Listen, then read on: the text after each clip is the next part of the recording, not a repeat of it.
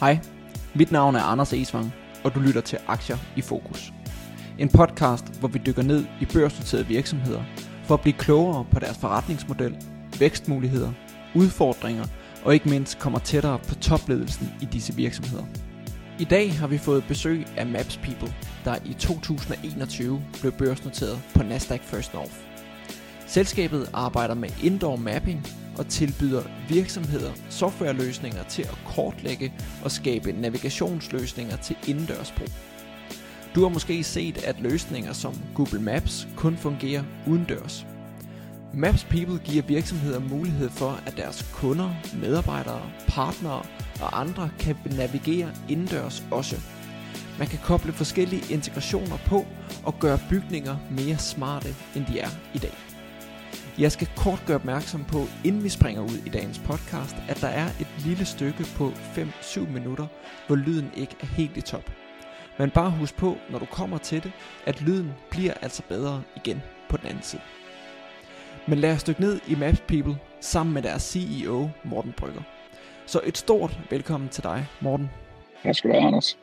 Skal vi ikke starte sådan, uh, helt fra toppen med, at du lige fortæller lidt om, uh, hvem du er som person, og hvad din erhvervsmæssige baggrund er, før du uh, sprang ind i Maps People? Det, det, kan vi, det kan vi gøre. Jeg vil være lidt en uh, gammel rotte, du kan ikke se uh, på, på, på podcasten her, men der er i hvert fald lidt grå hår her. Uh, og det plejer jeg at glæde mig til, da jeg er yngre, og nu ved jeg ikke rigtigt, om det passer længere. Men her tilbage den 1. november, der kom jeg til Maps People som deres, deres nye CEO. Øh, det er mit fjerde job som, øh, som CEO. Og jeg tror faktisk hele vejen siden jeg forlod øh, Handelshøjskolen i, i Aarhus for snart mange år siden, så har jeg beskæftiget mig med business to business eller enterprise. Altså det, det, det det marked, jeg har været i hele tiden, og det er selvfølgelig også det marked, som Maps People er i.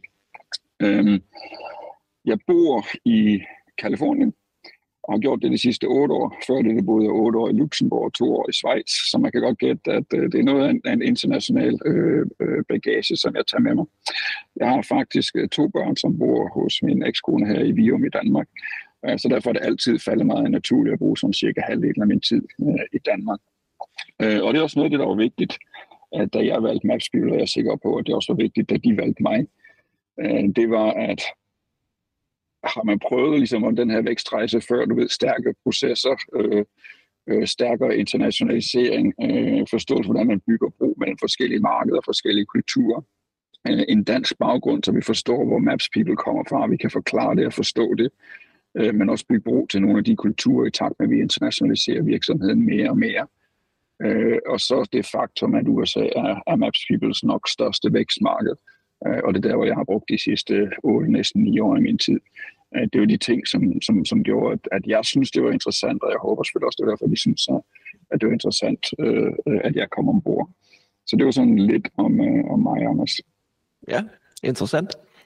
Og hvorfor, øh, kan man sige, USA? Hvorfor øh, har du bosat dig, eller valgt at bosætte dig halvdelen af tiden i, i USA? Er det nogle virksomheder, du arbejder med derovre? Har det været arbejdsmæssigt, at du har bevæget dig derover, eller har det været interessemæssigt, at du valgte at gå til USA? Det, det var ja, igen, det var ren arbejdsmæssig tilfældighed. Altså, da det var et tidspunkt, at, at, at man skulle øh, finde et andet job. Altså, jeg var, jeg var chef for, for en relativt stor virksomhed, som var, havde hovedkontor i Luxembourg. Det fik vi solgt til vores største konkurrent, som havde hovedkontor i Tampa i Florida. Og så var jeg med der, du ved, 13 måneder efter øh, øh, øh, overtagelsen af det selskab. Og så, så, så havde jeg lyst til at prøve noget nyt. Øh, og så blev der ligesom lavet en, en shortliste øh, over steder, man godt kunne tænke sig at prøve at arbejde. Øh, den shortliste var hørt, det var, det var New York, San Francisco og London. Og så fik jeg en mulighed for at komme til San Francisco. Jeg kan lige så godt sige det, ligesom jeg har været 14 år, har jeg været fan af San Francisco 49ers, da Joe Montana var quarterback. og så tænkte jeg, det her, det her det er et tegn, øh, og det er noget, jeg bare skal. Og så er du blevet uh, kan man sige, ny CEO i, uh, i Maps People efter, efter Michael. Hvorfor ja. faldt, uh, kan man sige, hvorfor sagde du ja til, til stillingen som CEO for, for Maps People? Hvad er det for noget, du ser i, i den case, som du synes er interessant at arbejde med? Øh, jamen det er jo selvfølgelig noget det, vi skal snakke om øh, lidt senere. Øh, og, det, og jeg vil sige, det forstod jeg slet ikke så godt, som jeg gør nu selvfølgelig, efter næsten fem måneder. Øh, men jeg kunne fornemme, at der var noget til det. Der, der er den her internationalisering, og der er det faktum, øh, at øh, det amerikanske marked øh, er stort, og det er vigtigt. Det er faktisk en super sej øh, virksomhed, som er kommet til, hvad skal vi sige, de der vækstkriser, man kommer til, når man når øh, den størrelse, som vi er nu. Øh, og det har jeg prøvet et par gange før. Øh, så der følte jeg, at jeg kunne bidrage med noget. Øh, jeg følte, det passede ind i mine kompetencer, min erfaring, øh, min energi, øh, men den geografi, som, som, øh, øh, som også passer, hvad skal vi sige, mit private, øh, mit private liv. Og så synes jeg, at min eller teamet har bygget en, en, en, en super øh, virksomhed, som der var noget spændende i. Og så skal vi helt ærligt, Anders, en af de vigtigste ting for mig, og vi kommer til at tale lidt om det senere, det er, at Maps People har en partner first strategi. Det vil sige, at vi prøver at sælge mest gennem partner.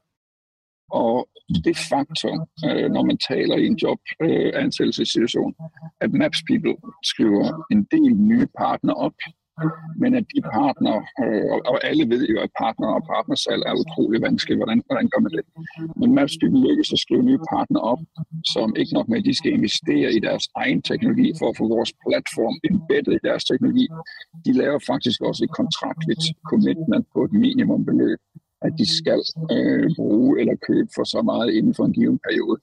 Så det vil sige, når partner er villig til kontraktligt at committe både en større indsats, men også et større beløb, så synes jeg simpelthen, det var et utroligt stærkt tegn på den value proposition, øh, som Maps People og Maps Indoor-produktet har. Øh, det var en længere historie, men det var faktisk der, hvor, øh, hvor, hvor jeg ligesom blev overbevist, øh, overbevist mig selv om, at, øh, at det her, der er nok noget i det her. Ja, og der er en, øh, en masse ting, du kommer ind på her, som vi helt sikkert kommer til at dykke lidt, øh, lidt mere ned i senere. Mm-hmm. Kan vi ikke øh, prøve sådan lige øh, fra start af, inden vi begynder at dykke for meget ned i forretningen, så sådan lige forklare, hvad er det Maps People laver sådan helt praktisk til dem, der måske ikke kender jer, altså dem, der måske ikke helt har fanget det nu, hvad det er, I kan? Ja, og det er et godt spørgsmål, og den bliver nok lidt længere, Anders, øh, fordi at, øh, øh, jeg, jeg vil ønske, at ting er så, er så simple, at man bare kan gøre det på en sætning, og det, det kan man ikke altid. Og nu har vi jo en podcast, hvor der er lidt tid, så får jeg muligheden for at prøve andet end bare en elevator pitch, men, men også at tale lidt om, øh, øh, om de store ting. Men, men, men vi laver det primære produkt i Maps People, og det, som jeg synes, vi skal tale om i dag, det, det produkt, der hedder Maps Indoors. Og det er selvfølgelig et indendørskort. Øh, jeg vil at sige, at øh, we are mapping the built world.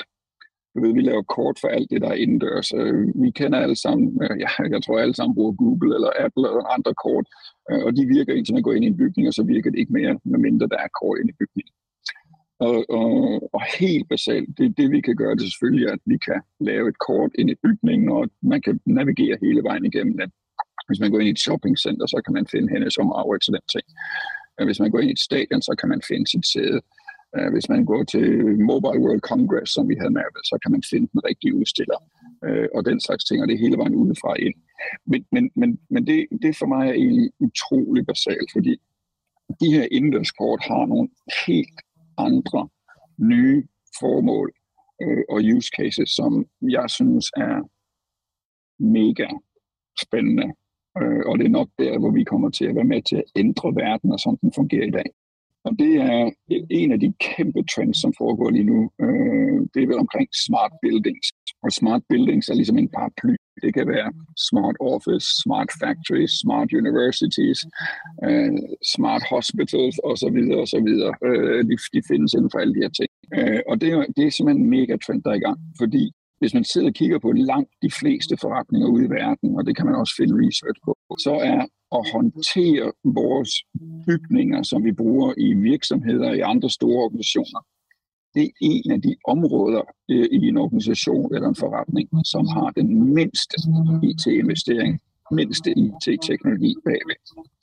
Øh, det vil sige, at ikke ret meget har har ændret sig øh, igennem øh, lang tid, eller det ændrer sig langsomt. Og der er altså kommet nogle ting og sager, hvor det kan man simpelthen arbejde utrolig meget mere. Og ved at have en smart building, så kan hele organisationen eller virksomheden begynde at finde nogle nye øh, måder at optimere deres arbejdsgang på og håndtere det, som driver, hvad skal vi sige, den øgede produktivitet, der i bund og grund er, er fundamentet for, for, for stigende velfærd.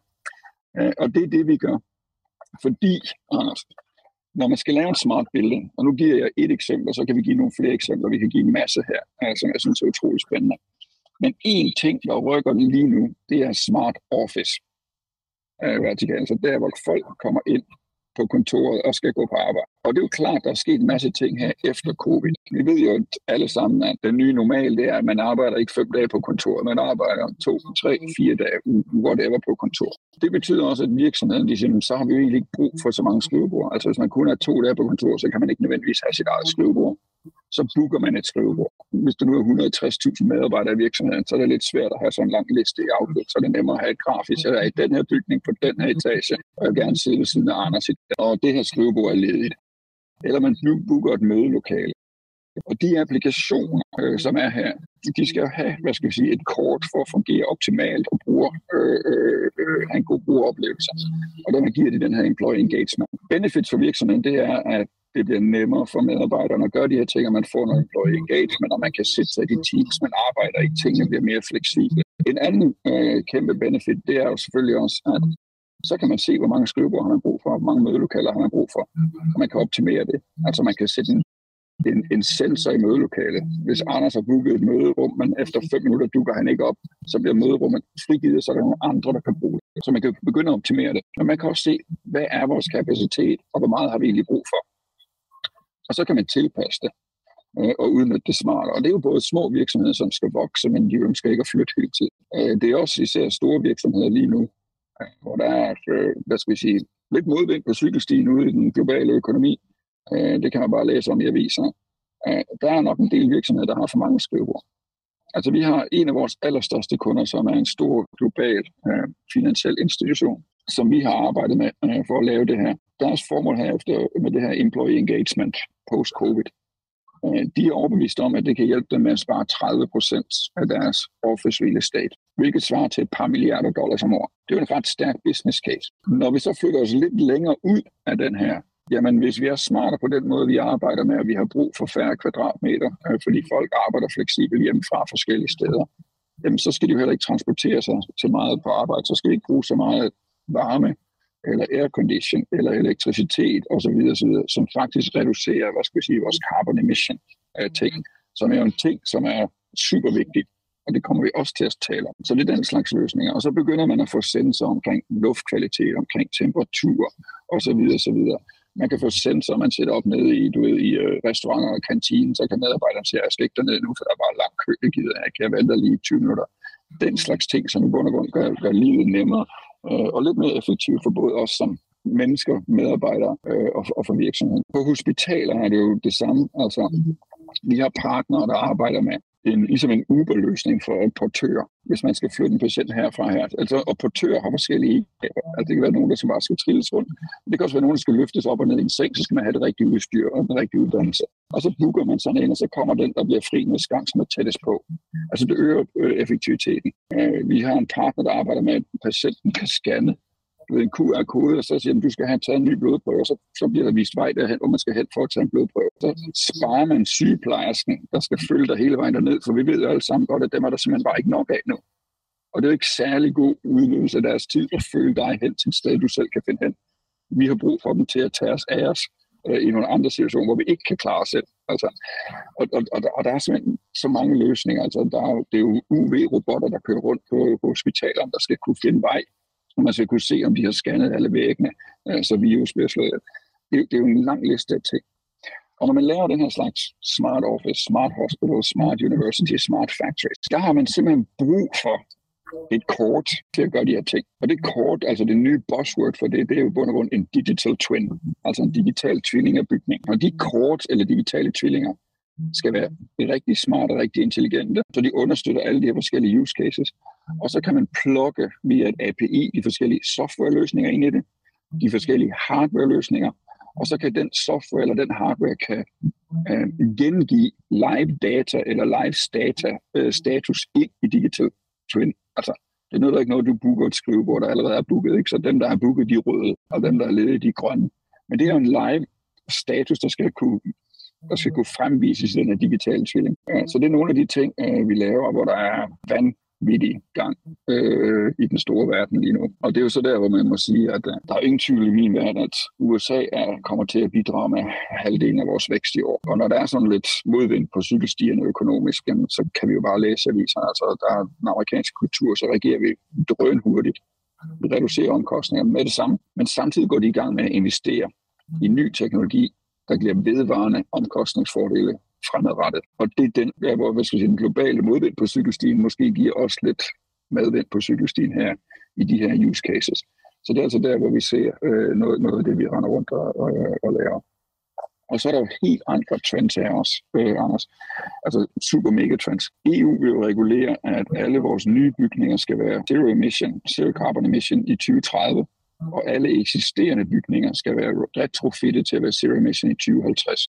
Og så, så når man læser, øh, du ved, øh, analyserapporter, Gartner og alle de andre, så siger de, når man skal retrofitte de her bygninger, øh, meget smart, hvis man har et 3D-kort af bygningen, så man kan se det, for så kan man planlægge det og udføre det meget mere effektivt, end hvis, hvis man bruger det generelt. Hvad så, hvis vi kan man sige, kigger på, på alle de her use cases, der må være noget, noget teknisk i det også, som I skal bruge for ligesom at kunne lave de her indendørskort. Hvad ja. er det for noget, som, som I skal have adgang til, eller som kunderne skal, ja. til, skal levere til jer, for at, at det her overhovedet kan lade sig gøre at lave de her kort? Ja, super spørgsmål, Anders. Det lyder ret simpelt, men de fleste kort, vi laver i en bygning, der får vi simpelthen kaldt tegningerne af bygningen. Og så tager vi de her kaldetegner, og så kommer vi ind i vores store maskine. Øh, og der har vi simpelthen bygget noget machine learning, som kan genkende en masse ting. Og så kan de lave det om til et kort, som så findes i vores teknologistak, Og når det er en ny bygning, så har vi så nogle personer, der ligesom kigger på det øh, og sørger for, at det passer ind i de, de forskellige design templates, der er der. Og det var noget at gøre med at kunne lave nye kort øh, for en bygning super effektivt. Og der tror jeg egentlig, vi er ret langt fremme på de her ting, og den machine learning, vi har bygget, den er automation. Men der, hvor skoen virkelig klemmer, og hvor det her det er faktisk et ret godt spørgsmål, jeg synes, at, at vi, er, vi er langt frem. Ja, når du har sådan nogle kæmpe store virksomheder, altså for eksempel den her store bank, som jeg, som jeg nævnte før, altså de har over 200 bygninger, og mange af dem har 60 etager og den slags ting. Og det vil sige, at der sker så mange ændringer øh, hver dag.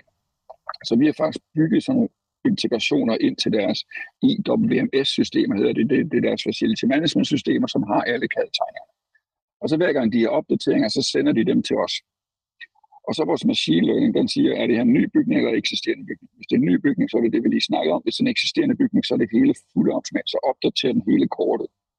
Og hvis der er øh, positionering eller wayfinding, så opdaterer den ruterne. Og for eksempel, hvis der er sat en ny dør op, så kan man jo ikke gå igennem den dør. Øh, og det er noget af det nye, vi kan. Det er, altså, så kan man også lave ruter, om, om, om, om man er øh, om, om man er handicappet, altså for eksempel hvis man ikke kan gå, øh, så kan man ikke gå på trapper så kan man også bruge nogle af de her ting. Det er de andre nye trends, der kommer. Og det foregår fuldstændig automatisk. Og den her store finansielle kunde, de sender mellem 30 og 90 opdaterede etager til os hver dag. Og det foregår fuldt automatisk. Det bliver øh, fuldstændig opdateret automatisk øh, inden for den samme dag. Øh, for to år siden, eller for to uger siden sendte de 230 etager, der skulle opdateres på en dag. Øh, øh, så, så var der lidt tryk på øh, Øh, på, øh, på kapacitet, fordi de havde ikke sagt, at der kom så mange den dag. Men, men det er jo det, at når man kan producere kortene, men især kan vedligeholde med den effektivitet, jamen så bliver det jo en konkurrencemæssig øh, øh, fordel for os. Altså det der, hvor vi, når vi internt snakker om time to value, skal være en, en konkurrencemæssig differentiator for os. Så det er præcis det, vi mener. Øh, investere i de integrationer, investere i de her øh, automatiseringer, og blive ved med at investere i vores machine learning. Altså Anders, sådan nogle kaldtegninger, der er over 5.000 måder at tegne en dør på. Der findes sikkert 6.000 forskellige måder at have en stol eller et skrivebord på osv. Og det skal man kunne genkende og oversætte til noget andet. Øh, og det, det, det, det er ikke nødvendigvis super nemt, øh, men, men det, det har vi i Maps People, de super kolleger, jeg har øh, i vores teknologiafdeling, øh, ja, faktisk løst øh, ret fornuftigt, vil jeg sige. Og er det, når du siger, at det er et, øh, kan man sige, et value proposition fra, fra jer af, er det noget, som er unikt for Maps People i forhold til andre, der er på markedet, at I er så langt fremme med, hvor meget I kan automatisere, og hvor lidt der, der skal manuelt håndteres, eller har I kan man sige, andre konkurrenter, som, som kommer lige hælende på jer der, eller er foran jer, eller hvordan ser du på det? Det er jo et svært altså det, jeg synes, det er et svært spørgsmål. Uh, jeg er overbevist om, at vi er ledende på de her ting, og det er også nogle af de ting, man kan se, hvis man læser de forskellige øh, analyst reports, der, som er derude. Um, men det, der egentlig er vigtigt, det er, når, når, når jeg har fornøjelsen af at tale med nye partnere, nye potentielle partnere for os, og så går man igennem det her, og så siger partneren, øh, en af vores største hovedpiner, det er, når vi, når vi sælger til de der store enterprises, som er lidt komplekse og rigide, så vil de så insisterer de på, at vi skal lave den her integration til deres øh, facility management system, det her IWMS-system. Og det er simpelthen nogle store projekter, vi ikke er ret gode til. Så der siger vi, øh, det gør vi. Øh, og det har vi gjort hos den kunde, og den kunde, og den kunde. Det er sådan her, det fungerer på. Det er så mange opdage. Så bliver deres øjne nærmest lige så store som tekopper. Så ved man godt, at man har noget, øh, som, som partnerne har brug for, og hvor vi i bund og grund kan hjælpe dem med at blive mere effektive. Fordi så kan de løse et problem, som ellers kræver hvad skal vi sige, udviklingsressourcer for dem, øh, som bliver taget væk fra deres kerneprodukt, hvis det nu er desk booking og, og, og, og meeting booking. Ikke? Så, så vil de her integrationsopgaver blive taget væk. Ja, så det har vi faktisk løst, og så kan vi sige, okay, det er jo en konkurrencemæssig fordel for Maps People i forhold til, jamen så kan vi lave vores korter på de store kunder, kan vi lave de her integrationer. Og, og det hører vi simpelthen hele tiden. I går var jeg i London og talte med en anden øh, stor bank, og vi fortalte den samme historie, og ham, ham, ham som sad med, hvad skal vi sige, deres globale facility management, altså man kunne bare se, der vågnede han lidt ligesom op af morgenen Øh, og hans øjne blev lige så store som engelske tekopper. Og så okay, det er sgu lidt smart. Ja, så det er en af de ting, som vi gør der anderledes. Sådan, sådan ting, som selvfølgelig er vigtigt, øh, og som vi kommer til at se noget, noget helt nyt for os allerede fra i næste uge. Nu holder jeg lige på den her, fordi der kommer en, der kommer en pressemeddelelse i næste uge, Anders, øh, som relaterer sig til den, det visuelle indtryk. Fordi det, vi laver, som jeg siger, det er jo, det er jo korte, det er jo for, for, for slutbrugeren. Om du er en medarbejder, der skal booke et skrivebord, om du er en øh, sygeplejerske, der skal gøre de her ting, om du er fabriksmedarbejder, der skal sidde og kigge på de her ting, om du er ham, der styrer bygningen, der skal sidde og kigge på forskellige sensordata, skal vi gøre nogle ting, der er smartere osv. Så, er det jo, hvad skal vi sige, bruger grænsefladen. Det skal, det skal se godt ud, og, øh, og det skal være funktionelt. Uh, altså design her er jo super vigtigt det er jo ikke bare, øh, hvordan det ser ud, og hvordan det lugter, og hvad skal jeg sige, det er jo også, hvordan bliver det brugt. Øh, og det kommer vi til at, at, at, at investere i, og det kan vi, altså vi har vist nogle års prototyper på, for det nye øh, øh, vi har øh, her fra, fra på mandag, ikke? og det resonerer altså super godt. Så hvis der er to ting, jeg gerne vil have, at vi skal være ledende øh, på inden for verden, så er det vores brugergrænseflade, vores design. Fordi det, det er der, hvor slutbrugerne kigger på det, og der skal vi bare, det skal bare se bedre ud, det skal være mere intuitivt øh, end, end, end vores konkurrenter. Og så er det på den her automatisering og machine learning, så vi kan producere det hurtigere øh, og billigere og fuldautomatisk øh, i højere grad end vores konkurrenter. Så kan det ikke gå helt galt, Anders. Nu, nu har du også nævnt et par gange de her øh, partnere, som jeg arbejder med, er en stor del af jeres, øh, jeres salg, det er drevet af det her partnersalg. Du har også nævnt lidt omkring, hvad det er for nogle partnere, men kan du prøve at sætte sådan lidt mere ord på, hvad det typisk er for nogle partnere, som, som I arbejder med, og hvordan de sådan kommer ind i salgsprocessen, og hvordan det her forhold fungerer mellem jer og partneren, og partneren og deres kunder, sådan så vi bedre forstår den her proces? Ja, det kan vi. Og der findes jo en masse partnere, som laver forskellige løsninger til forskellige vertikaler herude. Ikke? Altså det er jo det er jo nogen, der laver løsninger til konferencer.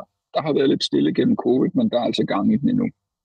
Altså vi så under Mobile World Congress, som vi har lavet øh, via en partner, øh, at der, der steg vores trafik, altså lookup, øh, lookups øh, ind i vores kort, så slags ting, at den blev fordoblet til Mobile World Congress. Så det, det viser heldigvis også, at produkter bliver brugt, når der er sådan nogle one-off events. Ikke? Øh, det kan være partner til hospitaler, det kan være forskellige partner, der laver de her øh, employee engagement, desk booking, meeting room bookings. De kan også være øh, hardware partner, altså sensor. Hvis man skal sætte sensor op, som kan de her forskellige ting, så har de også brug for et kort, så man, altså kan man se det hele. Og det er sådan lidt et mix. Nogen finder os, øh, og vi finder andre. Øh, og, og så, har, altså, så, så arbejder vores salgsorganisation med det på, på, for at prøve at forstå det. Og så er det jo en helt almindelig salgsproces først at sige, hvad er jeres problem? Øh, er det også sådan her, og det har vi jo løst for nogle andre kunder. Øh, og det har vi gjort på den og den måde, og det har givet de her de resultater. Ikke? Nå, jamen, så har vi, jamen, vi forstår problemet. Øh, vi har en løsning til det. Vi har gjort det før med gode resultater. Øh, okay, så, så, så kommer vi ned til, okay, hvordan gør vi så de her ting? Øh, og, og, og, og i den dialog, jamen, så, så, så snakker man omkring, hvordan virker vores teknologi. Fordi det er jo sådan, altså, at det jo ikke, hvis du er en kunde i Maps People, så, så har du ikke et Maps People produkt. Forstår du? Du har en anden applikation. Og så, så altså det vi leverer gennem partneren, det er faktisk mere sådan en platform as a service, hvor vores applikation bliver integreret i partners applikation, og så ligger den derinde. Og det er jo klart, at, at det der så sker, når vi er enige med en partner, altså jeg, jeg kalder det the free wise, hvorfor har du brug for et kort? Hvorfor har du øh, brug for det for Maps People? Så det sidste, øh, hvorfor det er, hvorfor har du brug for det nu? Og så har vi den dialog, hvor vi selvfølgelig har hvad skal vi, nogle kommersielle øh, øh, forhandlinger af de her ting. Og så, så bliver vi enige om, øh, hvad er det commitment, som partnerne er villige til at give over hvilken tidsramme. Øh, og så skal vi i gang med at implementere. Og det er jo så der, hvor vi øh, igen, det kan vi så tale lidt om øh, også senere, eller jeg er sikker på, at du vil spørge om det. Der, hvor vi har været måske en lille smule optimistiske, hvor hurtigt det går. Øh, øh, fordi det tager med sådan nogle partner, det tager 6 til 9 måneder, inden partneren er klar med at have integreret vores produkt i partnerens egen løsning. Og så kan de gå i gang med at sælge det til eksisterende til nye kunder. Så der er faktisk en lang rejse der. Og det er en af de ting, som vi arbejder meget intens på, har gjort de sidste øh, måneder, og jeg er sådan ret optimistisk, at, der, at, at vi kommer til at se nogle, nogle, nogle fornuftige forbedringer i 2023. Hvordan kan vi hjælpe partnerne med at korte den proces ned? Øh, øh, kan vi investere lidt mere? Kan vi hjælpe dem? Kan vi holde dem i hånden? Øh, for det er jo klart, det er faktisk logisk i vores interesse, at partneren kommer op og kører efter tre måneder i stedet for ni måneder, fordi så begynder den rigtige omsætning at komme. Men det er jo også i partners interesse. Fordi de, har, de ved allerede nu, at det er noget, der kan ændre deres value proposition. De ved, de har kunder, der har brug for de her ting. De ved, de kan differentiere sig. Øh, øh, men du ved, roadmap prioriteter, de er, det er altid en hård kamp. Så hvordan kan vi hjælpe med det, så de kommer, så alle kommer i gang hurtigt? Det, det er en af de ting, som vi, vi kommer til at blive betragteligt bedre til at håndtere i 2023, og der er masser af gode initiativer i gang. Men, men det er det, partner gør. Når et partner så at køre, jamen så sælger de til deres kunder og til deres eksisterende kunder, som de opgraderer til en ny version, som har et nyt cool kort. Det kan være, de ikke havde kort før, det kan være, det er et nyt kort, der ser bedre ud og kan en masse nye ting. Øh, og så begynder de også at markedsføre det og sælge det til, til, til nye kunder. Øh, og så får vi de projekter fra kunderne, og så får vi ud, ud kaldt tegningerne, hvad det er, og så producerer vi kortet og sender tilbage, og så går det live, og så vedligeholder vi det kort. Og al vores omsætning på Maps som det er øh, øh, øh, recurring business. Og når slutkunden, enten vores egen slutkunde eller slutkunden gennem partneren, øh, er live, jamen, men, så er faktureringen, du ved, helt traditionel enterprise SaaS 12 måneders øh, upfront betaling. For sådan at forstå den processen øh, lige et, øh, et tak dybere. Når I underskriver en kontrakt med, med en partner, og der går de her ja. 6-9 måneder fra, at, øh, kan man sige, at underskriften er sat, til at de kan begynde at sælge det til deres kunder, er det så jer, der har en masse arbejde i de 6-9 måneder? Er det partneren, der har en del arbejde i at integrere jeres løsning i deres løsninger? Og begynder I først at få omsætningen fra partneren efter de her 6-9 måneder, eller betaler de noget for den her opstartsfase? Typisk er det partneren, der har arbejdet, fordi det, de skal integrere vores produkt ind i deres applikation. Det er der, vi skal finde ud af, hvordan kan vi holde dem lidt i hånden og hjælpe dem. Så hvordan kan vi gøre det hurtigere og mere effektivt, øh, i stedet for bare at lade dem være for sig selv. Ja, fordi hvis de får lov at være for sig selv, så altså, du ved, når man laver product roadmap, så skal man altid lige kæmpe lidt for øh, øh, at komme ind. Der er altid flere idéer, end der er kapacitet. Ikke? Og der bliver vi nogle gange fanget. Så det skal vi blive bedre til at håndtere. Altså det er partner. Og typisk får vi ikke penge, før det er implementeret, og de begynder at sætte rigtige kunder på. Så der går lidt lang tid, og det er også der, hvor du kan se, altså fra vores contracted AR til vores invoiced AR, øh, at der er altså en, en, en periode, øh, der går der. Og det er det. Og der vil jeg så sige, det er nok der, hvor, hvor vi har undervurderet lidt øh, historisk, hvor lang tid det tager. Øh, men, men du ved, det gode ved det hele vi er, at vi har kontrakterne, og nu, nu skal vi så bare i gang med at hjælpe med at få det her igennem relativt hurtigt, og så skal vi blive bedre til det. Øh, jeg, jeg er frisk til at sige, at det vil være forfærdeligt, hvis vi var skide gode til at, øh, at, at gå live, men vi har ikke nogen kunder at gå live med. Øh, nu har vi en masse kunder at gå live med, og nu skal vi bare hjælpe dem med at gøre det hurtigere. Nu hørte jeg også i jeres øh, seneste investorpræsentation her efter jeres øh, årsrapport, at I havde blandt andet arbejdet med, med en øh, kunde, hvor det havde taget den omkring tre måneder fra de havde underskrevet kontrakten, mm. til de var klar til rent faktisk at gå live. Hvad er det, kan man sige, der, der har været forskel på, på den kunde? Hvad har I optimeret i den proces, og er det noget, I kan replikere fremadrettet til andre også kan, kan opnå den øh, effektivisering? Det er faktisk en kunde, vi skrev lige i slutningen af sidste år, øh, og de er i gang, og de sender øh, en masse bygninger til os for deres eksisterende kunder, og de er allerede begyndt. Altså, så, så på under to måneder fik de det hele implementeret. Øh, og øh, forskellen her var nok, at vi havde den her øh, dialog øh, super upfront øh, omkring tingene, og vi forstod det, øh, og vi forstod hinanden, og vi lavede et godt samarbejde. Øh, så, så, så hele salgsprocessen, den ledte egentlig hen mod, vi har kæmpe potentiale. Vi har simpelthen øh, så mange øh, eksisterende kunder med så mange eksisterende bygninger, og det vil vi faktisk gerne have konverteret ind til den her løsning øh, inden sommer. Så var den her god sense of urgency, hvor det bare giver mening. Kunderne, de, deres slutkunder efterspurgte det her. De havde en masse kunder, som de kunne opsætte, som var villige til at betale lidt mere. Og det er jo også godt for Mapspil. Så der var simpelthen bare en win-win-win situation, som var, var, var gensidigt utrolig godt forstået, øh, og som øh, var en god dialog, og som vi kunne skrive ind i, i en aftale. Og, og det har simpelthen bare virket øh, fantastisk. Altså på, på to måneder kom de op og køre, og på i måned tre begyndte vi at få kunderne. Øh, øh, og og, og nu, nu, nu kører den maskine ret godt. Og til dit sidste spørgsmål. Ja, det tror jeg kan replikeres til langt de fleste nye partnere, der kommer ind. Men jeg tror faktisk også, det er noget, vi kan gå ud og genvisitere med en, en lang række af især de større partnere, vi har, øh, øh, som vi skal have konverteret fra contracted til invoice, der er i løbet af 2023. Og det, og det er nogle af de ting, som, øh, som vi arbejder på, Anders. Og nu, nu har vi også øh, været inde på sådan lidt øh, forskellige um- områder, som jeg arbejder indenfor. Du har nævnt uh, smart buildings, smart offices og, øh, og andre ord inden for det her område er der sådan nogle vertikaler, hvor I er langt bedre til at arbejde end andre? Altså for eksempel Smart Offices, der er I bare øh, langt længere fremme end jeres konkurrenter, eller har I sådan en, øh, en bred skare af forskellige vertikaler, som, som I arbejder indenfor og er lige gode til at arbejde med? Jeg vil sige, øh, vi har været gode til de her øh, konferencevenues, øh, til lufthavne øh, og til sportvenues. Øh, og det var nogle af de første, der var det, men det var lidt en anden use case. Det var hvordan, altså, hvordan får man mest ud af sine kvadratmeter? Forstår du, hvad jeg mener? Altså det er at sørge for at få folk hen til de her ting, og sørge for, at de kan komme hen og købe nogle ting. Så det er jo også nogle vertikaler, som var relativt på lav plus gennem hele covid-krisen. Øh, og, og de er så vågnet op igen nu, øh, hvilket er godt, så der har vi nogle partnere, vi har nogle kunderrelationer, det, og, og det hjælper os også. Men, men i mellemtiden, så er altså alt det her smart buildings, det er bare en trend, som kører rigtig hurtigt lige nu. Og på Smart Office, øh, der, har vi, der har vi en masse super gode partner. Men, men igen, vi har også en partner, der laver smart parking spaces. Altså igen, især i USA, du ved, hvor man har de der kæmpe store kontorer, så er der parkeringsplads over det hele, men der kører man i sin bil på arbejde. Altså, hvordan finder man så en parkeringsplads? Og hvis det skal være en, som kan oplade din elektriske bil, hvordan kan man så finde den her? Når den er opladet, så bliver du bedt om at flytte et andet sted hen. Altså, så det begynder at blive smart. Og hvis CEO'en han er ude at rejse den her uge, så har hans parkeringsplads faktisk også ledig for nogle andre. Så kan man begynde at håndtere de her ting. Så der er bare så mange ting, som driver de her du ved, små, bitte forskelle i, i, i at være effektivitet. Og det der, hvor hele smart building paraplyen, hvor der har en masse undervertikaler indenunder, simpelthen bevæger sig drøn hurtigt.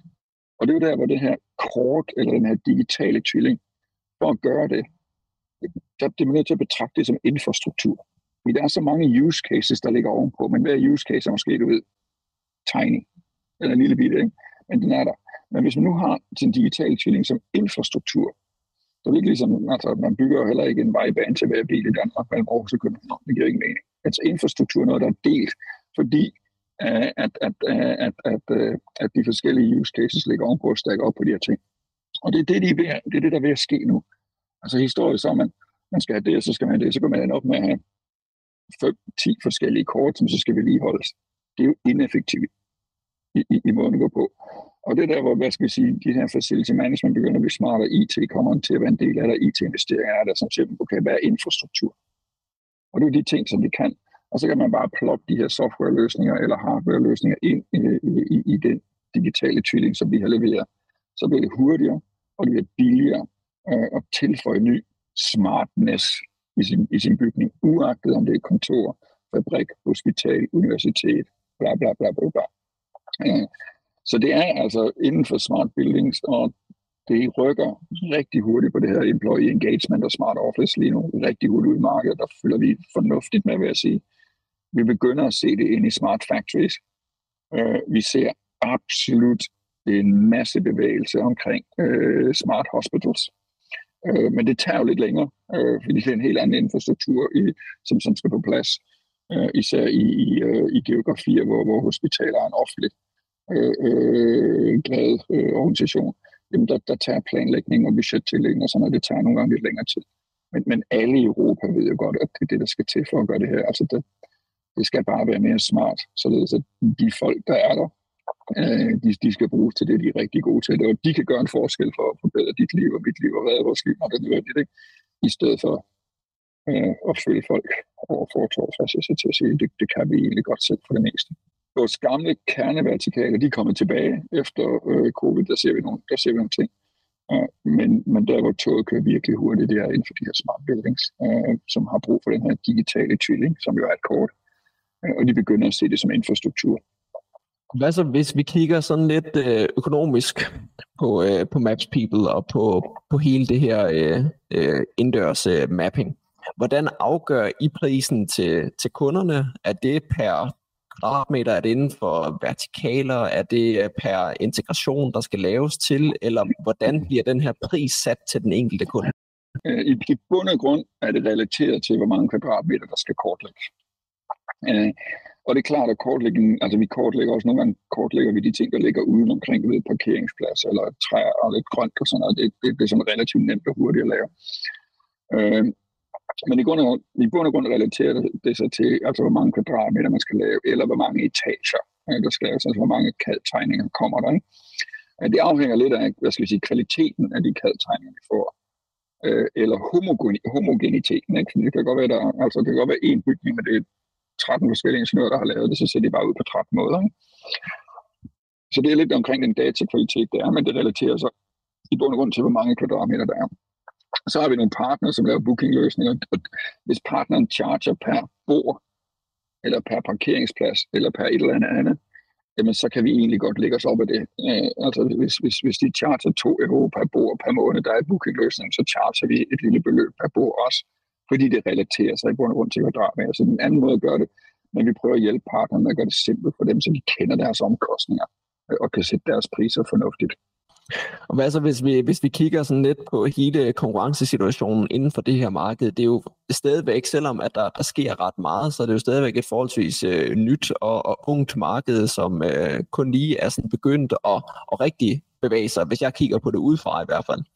Øhm, hvordan ser sådan hele konkurrencesituationen ud? Har I mange små konkurrenter? Er der nogle lokale konkurrenter inden for for eksempel forskellige lande eller forskellige vertikaler, eller hvordan øh, kigger I på det her øh, konkurrencemæssige aspekt? Um, det er et relativt nyt marked, det som vi gør, og det er utrolig fragmenteret. Øh, altså et relativt lille virksomhed som også kan være en af dem, der er verdensledende, det, det indikerer jo, at det er fragmenteret. Øh, og jeg tror, at mange af vores konkurrenter er mere regionale, end vi er. Øh, og mange af dem er måske også mere specialiserede, end vi er. Øh, men vi kan godt se, at de alle sammen bevæger sig ind i det her smart building øh, nu, fordi der er simpelthen så stor en efterspørgsel derude. Øh, og der sker så mange ting der. Øh, og, det, og det er vel egentlig godt, altså det er som en selvforstærkende effekt, hvor markedet simpelthen vokser. Altså nogle af de rapporter, som jeg sidder og kigger på, det er, smart building market. Det inkluderer så også, hvad skal vi sige, hardware og den slags ting, men altså det vokser til over 300 milliarder dollars i 2029, og det er 22,2 procent vækst om året. Ikke? Kakker på det. Det er jo kæmpestort. Øh, og alt, hvad vi kan for at få uddannet folk her, øh, det er jo godt. Der, jeg tror, der er plads til masser af konkurrence. Øh, men jeg tror også, at på en eller anden måde, så, ligesom i alle mulige andre industrier, så, så slår man sig sammen. Uh, så det, det er jo også noget, vi absolut holder øje med. Altså, hvad, hvad for nogle muligheder er der derude også lige nu skal vi lige have, have styr på at komme til et sted, hvor vi i hvert fald er cash flow positivt, som vi jo projekterer at nå her i slutningen af i år. Ja. Så, kan vi, så, så, så kan vi forhåbentlig lege med i det spil også. Og det bringer os nok sådan meget elegant videre til det næste område, der handler lidt omkring jeres, øh, jeres regnskabstal og kigge lidt på, på nøgletal. Hvis vi starter sådan overordnet her, kan du så ikke lige prøve sådan at give sådan en, øh, et indblik i Maps People, hvor, hvor store er I i dag sådan på, på antal kunder, på omsætning, ARR, medarbejdere, for vi sådan har indblikket her? Jo, jeg kan give nogle af vores, hvad skal vi sige, SaaS highlights øh, som sådan. Ikke? Øh, det, vi, det vi har nu, øh, og det som vi igennem 2022 rapporterede på, det var den her contracted ARR. Og der sluttede vi 2022 på, øh, øh, på 70 øh, millioner, som var en vækst på omkring 40 millioner. Øh, og det vil sige, at, øh, at, at vi altså har vokset det 71 procent. Øh, 4, eller 94 procent øh, har vi vokset det her produkt Maps Indoor med. Øh, og, og vi har også fået en masse nye slutkunder. Vi er knap 300 nye slutkunder på de her ting. Det største kvartal for os er, er fjerde kvartal, øh, og i og med, som vi snakker om nogle af de her partnere, at de tager lidt tid at komme på, jamen så bliver det her også til rigtig RR øh, i slutningen af året, og dermed tager vi den anden del af omsætningen, øh, som relaterer sig til 2023. Det kommer det meste af det kommer i slutningen af året væksten der. Øhm, hvis man kigger på omsætningen, øh, så er den vokset relativt minimalt, øh, kun omkring en million øh, kroner i, øh, i 2022. Øh, men hvis man kigger lidt ned bag ved den, øh, så har vi altså øh, vi har, vi har to kerneprodukter. Øh, det ene det er Maps Indoor, som vi faktisk har vokset på. Vores omsætning er vokset over 25 procent i, i 2022 på. Og så vores andet produkt, øh, som er, at vi øh, igen sælger Google Maps på vegne af Google. I vores omsætning og vores calculated uh, contracted ARR, vores rigtige ARR, der tager vi faktisk kun vores marken med uh, på de her Google-licenser. Uh, det, det, det viser faktisk tre ting. For det første har vi uh, en hel del omsætning omkring 60 millioner kroner, som går igennem os, som man ikke kan se umiddelbart i vores regnskab, medmindre man læser note 5. De her 60 millioner, der går igennem, det giver faktisk en ret positiv impact på vores working capital. Fordi en række af de her kunder, som køber Google Maps-licenser via os, øh, de betaler upfront, øh, øh så, og dermed har vi en, en god working capital effekt af det. Nu var det så sådan, at i, i midten af 2021, der reducerede Google for alle deres partnere hele vejen omkring jorden, marken fra 20% til 12%. Og så kan man jo hurtigt regne baglæns, at hvis man normaliserer for det, øh, øh så betyder det faktisk, at øh, altså hvis de ikke havde gjort det, så havde vores, øh, vores, vores omsætning og er, havde været et sted mellem 4-5 millioner kroner større i 2022, end det den er nu. Øh, og så havde vi vokset de her pænt 25 procent. Øh, det er så, hvad det er. Det er, hvad der er sket, øh, og det kan man se på vores tal i 2022, og det er langt uden for vores kontrol. Altså, når vi har absolut ingen øh, tro eller indsigt i, at det kommer til at ske igen. Øh, tværtimod tror jeg faktisk godt, at vi har andre muligheder for at få vores marked lidt op på den forretning i, i, i løbet af i år. Øh, og det, øh, det leder sig frem til, at alle de ting, som vi har talt om indtil videre, vi tror faktisk stadigvæk øh, godt, at vi kan vokse vores forretning øh, relativt godt øh, på vores contracted er, jeg tror, vi kan vokse den op over 100 millioner. Altså vi har guidet til 105 til 115 for 2023, der slutter vi. Øh, hvilket igen er, er, er, er en vækst på mellem 50 og 64 procent. Som jeg synes er ganske godt øh, i et marked, som det øh, verden befinder sig i lige nu. Øh, og så er vi så begyndt her fra i starten over også at guide på vores ARR. Øh, og der guider vi så, at vi slutter på omkring 77-87 millioner kroner i 2023, hvilket svarer til mellem 129 og 159 øh, procent vækst på ARR. Det synes jeg, nu skal man huske at være lidt jysk og lidt ydmyg, det synes jeg er ganske flot. Og det man så kan se, øh, selvfølgelig mellem de her ting, det er jo, at da vi går ind i 20, 2023, der har vi jo en, en ordrebeholdning, som er de her kontrakter, vi har primært for partner, men også nogle få direkte kunder, som ikke er leveret. Men vi har altså en ordrebeholdning på over 30 millioner kroner, øh, som vi regner med at levere og konvertere, plus selvfølgelig noget af det nye, som vi sælger i år, vi kan nå at levere øh, og fakturere i år. Det er det, der giver den her ret fornuftig vækst i vores øh, annual recurring revenue, og det drøber så selvfølgelig øh, nedad øh, i vores øh, omsætning øh, og på vores EBITDA. Men klart, altså for ARR, som jo er 12 måneders omsætning, der kan vi jo kun tage til indtægt den del af omsætningen, der vedrører det enkelte år. Øh, og i og med, at vi regner med, at en masse af det her først bliver leveret i slutningen af år, så er der relativt lidt, der kommer ind på omsætningen, men, men en hel del på omsætning i, i, i næste år. Men det gode er at selvfølgelig, at de her kunder betaler upfront. Og derfor, øh, hvis man tager alle de her ting sammen, så, så, så er det, vi, vi projekterer, at vi kan nå vores øh, cash flow break-even fra vores operation, vores forretning i øh, en gang i fjerde kvartal. Og nu bruger I jo to forskellige former for, for ARR-tal. I har det her normale ARR, som vi kender fra mange andre virksomheder også, og så bruger I også et tal, der hedder Contracted ARR, fordi I arbejder med, med de her partnere, der så har en kontraktuel forpligtelse, når de underskriver en kontrakt. Hvor ja kan man sige, hvor, hvor skarp er den her forpligtelse? Lad os sige, at øh, partneren ikke får solgt det ind, som, som de havde regnet med, da, da de underskrev kontrakten. Fakturerer I så det beløb, som der står i kontrakten, eller fakturerer I så kun det beløb, som partneren reelt har, har solgt ind, eller hvordan arbejder I så med det her forskellen mellem ARR og contracted ARR? Vores mål er naturligvis, at partneren når at bruge sit commitment inden perioden er slut således at, det, at de vokser øh, i, i de her ting. Så det er det, vi arbejder på, og det er det, de der forskellige initiativer, vi taler om lidt tidligere, drejer sig om. Øh, fordi det er det, alle gerne vil.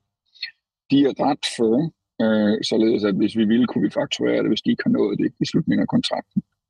Øh, det kan man så vælge at gøre, eller man kan vælge at have en dialog om, øh, skal vi lade noget af det gå ind i den næste periode, mod I så gør et eller andet, for eksempel køber noget mere.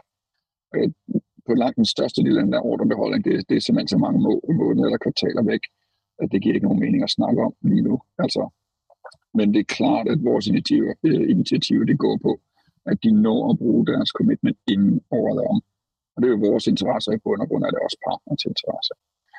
Øh, virksomheden øh, har valgt at rapportere på Contracted ARR øh, igennem lang tid, fordi øh, at det var hele den her transition på en ny go-to-market-strategi med partner, Øh, og, og den, hvad skal vi sige, leading indicator, det er jo selvfølgelig, hvor meget vil partnerne committe.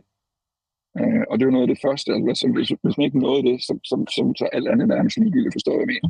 Så jeg synes faktisk, det var en ret god leading indicator, og, det, og, og som jeg sagde, det er en af de ting, som jeg synes var sexet ved Max People, da jeg sagde ja tak til jobbet. Øh, og, og, og, og, og opgaven er nu at sørge for, at, øh, at ordrebeholdningen egentlig ikke bliver meget større, end den er nu, på trods af, at vi, vi sælger og vokser en masse ting, men nemlig at det går i produktion, og det bliver faktureret, så bliver det ARR. Og derfor mener jeg, at ARR-målet er, er et af de nøglemål, øh, som vi har nu, fordi nu er vi nået dertil, hvor vi er nået. Og det, og det skal vi have, have utrolig fokus på. Og derfor der drøber det jo direkte ned på vores, øh, øh på vores omsætning og på vores øh, EBITDA osv. Hvad, hvad hvis vi kigger sådan lidt på, øh, på omkostningerne i, øh, i Maps People? Hvor meget af jeres omkostninger er sådan relateret til, til jeres øh, salgsindsatser? Hvor meget er relateret til, til udvikling? Hvor meget til sådan administration har I sådan et, øh, et overblik over? Hvor meget der går til, til de forskellige områder? Ja, nej, ikke, ikke men så lige top, top of my mind, der vil jeg sige omkring 40 procent, det er salg og markedsføring. Øh, 40 procent det er øh, teknologi og operations delivery, og, og 20 procent er, øh, er overhead. Altså det, det tror jeg passer så meget godt i de her ting. Og langt de fleste af vores omkostninger, de er drevet af, af medarbejdere. Altså så det er medarbejderrelaterede omkostninger.